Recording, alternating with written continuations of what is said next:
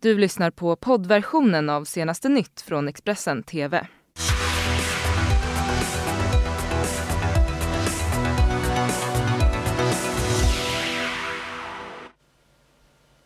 Välkommen till senaste nytt här i Expressen TV denna torsdag. Nu tar vi titt på våra huvudrubriker.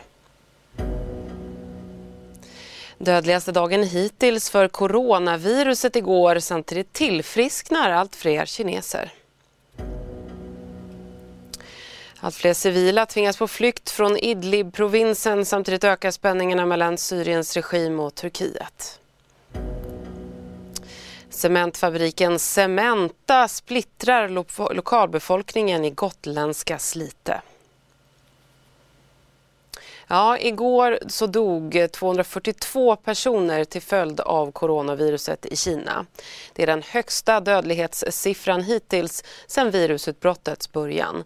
Totalt har 1500 personer dött och över 60 000 personer konstaterats smittade av sjukdomen. Samtidigt har kinesisk statlig tv börjat kabla ut bilder på personer som tillfrisknat och tillåts lämna sjukhusen. Vår partnerkanal CNN rapporterar. With a rising death toll and a growing number of confirmed cases, these are the images most often associated with the novel coronavirus. But firsthand accounts confirm the deadly virus can be beaten. Chinese state media has shifted much of its coverage to these images. They appear to show patients who survived the illness, flowers in hand as they leave the hospital. Their faces blurred as even Chinese state media acknowledges the stigma associated with those infected, even after they've reportedly recovered. We connected with two patients who were not part of that state media photo op. They likewise asked that we not reveal their identities. But CNN did review their medical records, showing that they had been diagnosed and since recovered from the coronavirus. Uh, I fetched my result. It's positive. So I have been chosen. This 21 year old college student, who asked we call him Tiger Yi, says he was attending language courses at a school in early January near the Wuhan seafood market, believed to be ground zero of the virus. Yi started feeling sore and sick to his stomach in mid January. Initially, he tried treating it with cold medicine, but with each passing day, it got worse. My dad realized that something, maybe something wrong has happened. So my dad urged, to, urged me to back to home immediately. He then started running a fever and decided to go to the hospital. It's a real mess. It's uh, it's a lot of people and a lot of uh, mm, nurse and uh, doctor in the fever fever 呃发热门诊怎么说？fever 什么 Fever clinic. Yi eventually found a less crowded hospital willing to test him. His positive diagnosis gave him quick access to antiviral drugs, which he says proved effective. Within a week, he said he was already feeling better. Video chatting with us from a nearby city, this 31 year old Wuhan engineer describes his initial diagnosis. I was scared and fearful, having contracted this disease. He said getting tested took days because of scarce hospital testing resources.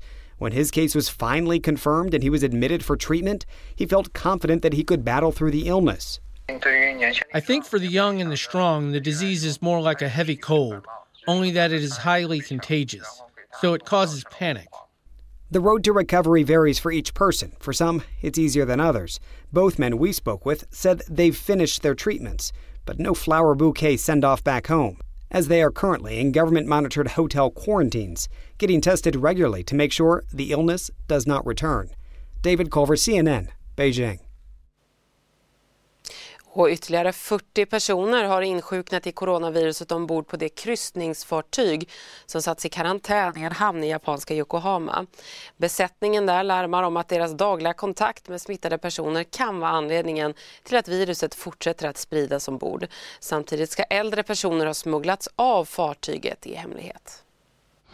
We are uh, doing everything in our power to maximize your comfort during uh, your extended stay with us. Så lät det i högtalarna på kryssningsfartyget Diamond Princess under onsdagen. Kaptenen fortsatte sedan med att försäkra passagerarna om att allt är under kontroll och att luften ombord är fri från smitta. Men hos besättningen finns tvärtom en påtaglig rädsla för att viruset kan komma att spridas. CNN ringer upp Sonali Takar som jobbar ombord på skeppet. Are you concerned that the virus is spreading amongst the crew right now?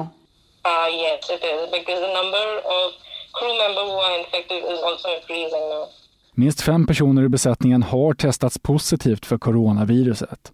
Sonali säger själv att hon haft feber och frossa och legat i säng sedan i måndags i väntan på läkare. Japanska myndigheter har satt de över 2600 passagerarna ombord i karantän i sina hytter. Men skeppet måste fortfarande vara igång. Så iförda skyddsutrustning och masker fortsätter besättningen att jobba. So we all remove our masks and gloves when we are eating. So we are all sitting in the same place and having food and uh, it can spread. Japanska myndigheter menar att de som testats positivt för viruset smittades innan fartyget sattes i karantän. De som smittats sedan dess, de har förts till sjukhus. Men flera experter menar att det här inte är det bästa sättet för att isolera viruset. I think a lot of thought went into what to do with the passengers, but it puts the crew at increased risk. Flyktingströmmarna från Idlib-provinsen i Syrien har ökat de senaste dagarna efter regimens fortsatta offensiv mot regionen. Civila flyr i panik för att undkomma flygbombningar och även regelrätta markstrider. 700 000 människor är på flykt och FN varnar för att Syrien och dess grannländer står inför den största flyktingvågen och humanitära krisen hittills under det snart nioåriga kriget. Vår samarbetspartner CNN har träffat Mark Cutts, FNs koordinator för humanitär hjälp i Syrien vid den turkisk-syriska gränsen. How do you even begin to put into words what the civilian population there is going through right now? Well, this is a massive humanitarian crisis. We haven't seen anything on this scale in Syria during this nine years of this war. Um, there's more than a million civilians who had to flee their homes in northwest Syria in the last year, 700,000 of them in the last two months alone. Um, these are people, many of them had fled from Aleppo and Homs and other parts of Syria uh, during this long war. They came to this area thinking they would be safe, and now they themselves are under attack. Um, it's a shocking situation on the ground t- today. And uh, it's freezing even right here where we're standing. I mean, how, how is this further compounding the, the, risk for these people, for these families, for the children? Well, it's freezing where, where we are right here. For people who are living in tents and out in the open, people sleeping on the backs of trucks and in schools without heating um, at the moment, it's, uh, it's horrific. We're already getting a lot of stories about babies and elderly people who are dying as a result of this cold weather. It's snowing today, there's ice on the ground.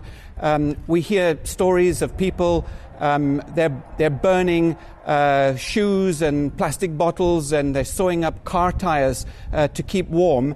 Um, they're inhaling these toxic fumes and dying of that. It's a really desperate situation. Så inrikes nu. Regeringen vill införa utegångsförbud på kvällar och helger med fotboja för unga människor som begår brott.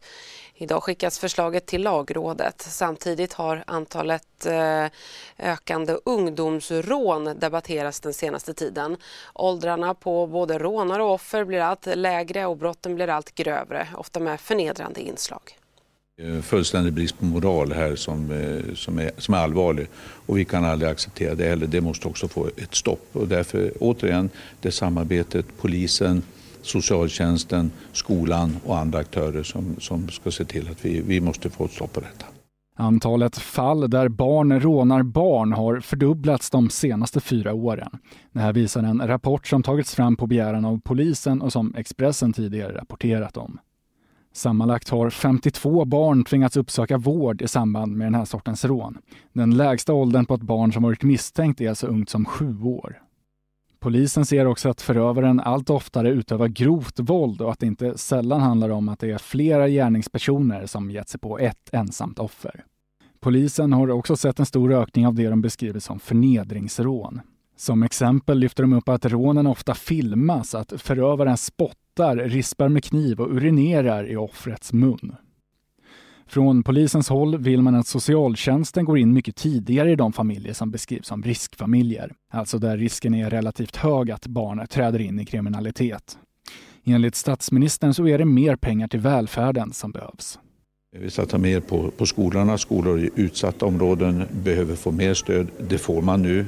Det här måste vi fortsätta och det är den riktningen som gäller. Nu kan vi inte återgå till en högerpolitik med skattesänkningar och neddragningar utan det gäller att fortsätta och hålla i det här för det är det som är rätt riktning. Det är det som polisen säger. Vi behöver ett helt samhälle, säger polisen. De ska ha ett helt samhälle eh, bakom sig.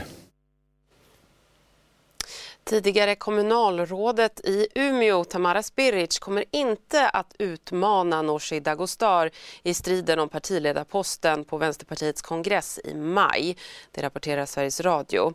Spiric har nominerats av partidistrikten Fyrbodal och Jämtland och har också fått stöd av förra riksdagsledamoten Rosanna Dinamarca. Vice partiordförande Nooshi Dadgostar har tidigare sagt att hon vill ta över efter Sjöstedt och hon har fått stöd från flera toppar i partiet. Cementfabriken Cementa på Gotland släpper ut näst mest koldioxid i landet. Nu har företaget fått tillstånd att bryta kalk i ytterligare 20 år och på orten Slite på norra Gotland så går åsikterna om företaget isär. I 100 års tid har Cementa varit en avgörande del av samhället där men fabriken splittrar invånarna. Det nya tillståndet för ökad kalkbrytning väcker frågor om oåterkalleliga skador i den unika miljön. Den har varit en avgörande del av samhället Slite på norra Gotland. Men fabriken splittrar de som helst skulle vilja slippa den och de som ser Cementa som en viktig del av samhället. Cementa har en stor betydelse för Slite och Sliteborna och vad ska jag säga egentligen hela norra Gotland. Idag tycker jag inte de har någon betydelse. Absolut inte. Den är Sveriges näst största utsläppare av växthusgaser. Det här är kolrester och damm från luften som färgar fönsterblecket mörkt på huset. När vinden ligger på inåt land blir det sotigt på paret Söderbergs hus. Ni visar det här på huset bakom. Liksom, hur, hur kan det se ut här vissa dagar när det blåser? Skitigt. Kolen ligger att öva här. Det är det värsta vi har. Skorstenen med den vita röken som ringlar mot himlen utanför Lars-Inges och Sonjas fönster har funnits där i hundra år. Här tillverkas majoriteten av den cement som används i Sverige idag. Om man vill fortsätta, Cementa har fått grönt ljus att bryta kalk i ytterligare 20 år. Kalkbrottet Filehajdar ska bli nästan dubbelt så stort och betydligt djupare. Mark och miljödomstolen har givit tillstånd men en rad myndigheter och organisationer är i färd med att överklaga. Alla ska tänka på miljön. Flyget ska ju inte gå så mycket och det ska inte vara eh, bilar som släpper ut en massa, men Cementa får släppa ut. Erik Pedersen driver två verkstäder och ser hur andra företagare tvingas bort från Gotland på grund av öns begränsningar och dyra transporter. Han anser att det vore ett dråpslag om Cementa skulle möta samma öde på grund av allt hårdare miljökrav. Cementa har en stor betydelse för Slite och Sliteborna och vad ska jag säga egentligen hela norra Gotland. Det är ju bland annat arbetstillfällen som är naturligtvis viktiga. Vad, vad skulle hända, tror du, om, om fabriken plötsligt skulle tvingas stänga ner eller flytta? Jag tror inte att det skulle bli mer klimatneutralt. För någonstans behöver vi då importera det som faktiskt Cementa producerar. I samhällets jakt på att kapa utsläppen av växthusgaser har Cementafabriken, som den jätte man är, satt som mål att bli klimatneutrala redan 2030. Fred Grönvall menar att det är fullt möjligt. Tekniken finns där på alla sätt och vis. Nu gäller det bara att vi kan realisera den i, större, i stor skala här hos oss. Då, då. Och det är klart, det är en ambitiös plan. Det är tio år bort, men eh, det här tror jag på hjärtat och det kommer vi klara. Cementa har ju väldigt ambitiösa miljöplaner och så vidare som de kommunicerar. Vad, vad, vad har ni för förhoppningar att fabriken ska bli grönare på sikt? Ja, jag har inte så stora förhoppningar faktiskt, för det har lovat i många år nu. Så jag tror inte mycket på det.